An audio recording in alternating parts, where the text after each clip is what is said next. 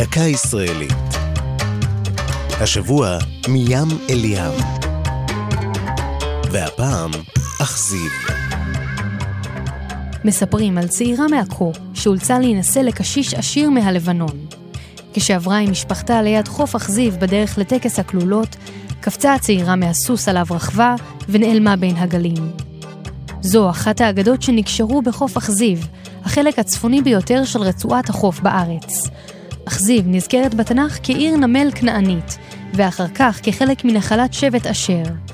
בזמן העתיק ישבו אותה הפניקים, יורדי ים מחוף הלבנון שהפיקו בה בין היתר דיו ארגמני יקר מחלזונות שגדלו בחוף.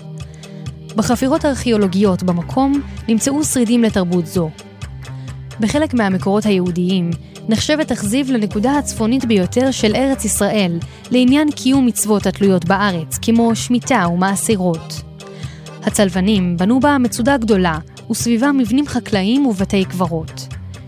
בתקופה מאוחרת יותר, הוקם שם היישוב הערבי עזיב, וב-16 ביוני 1946 פוצץ כוח פלמ"ח את גשר הכביש והרכבת שליד הכפר במהלך ליל הגשרים.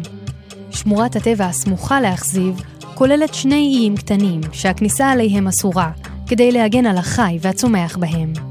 זו הייתה דקה ישראלית על מים אל ים ואכזיב.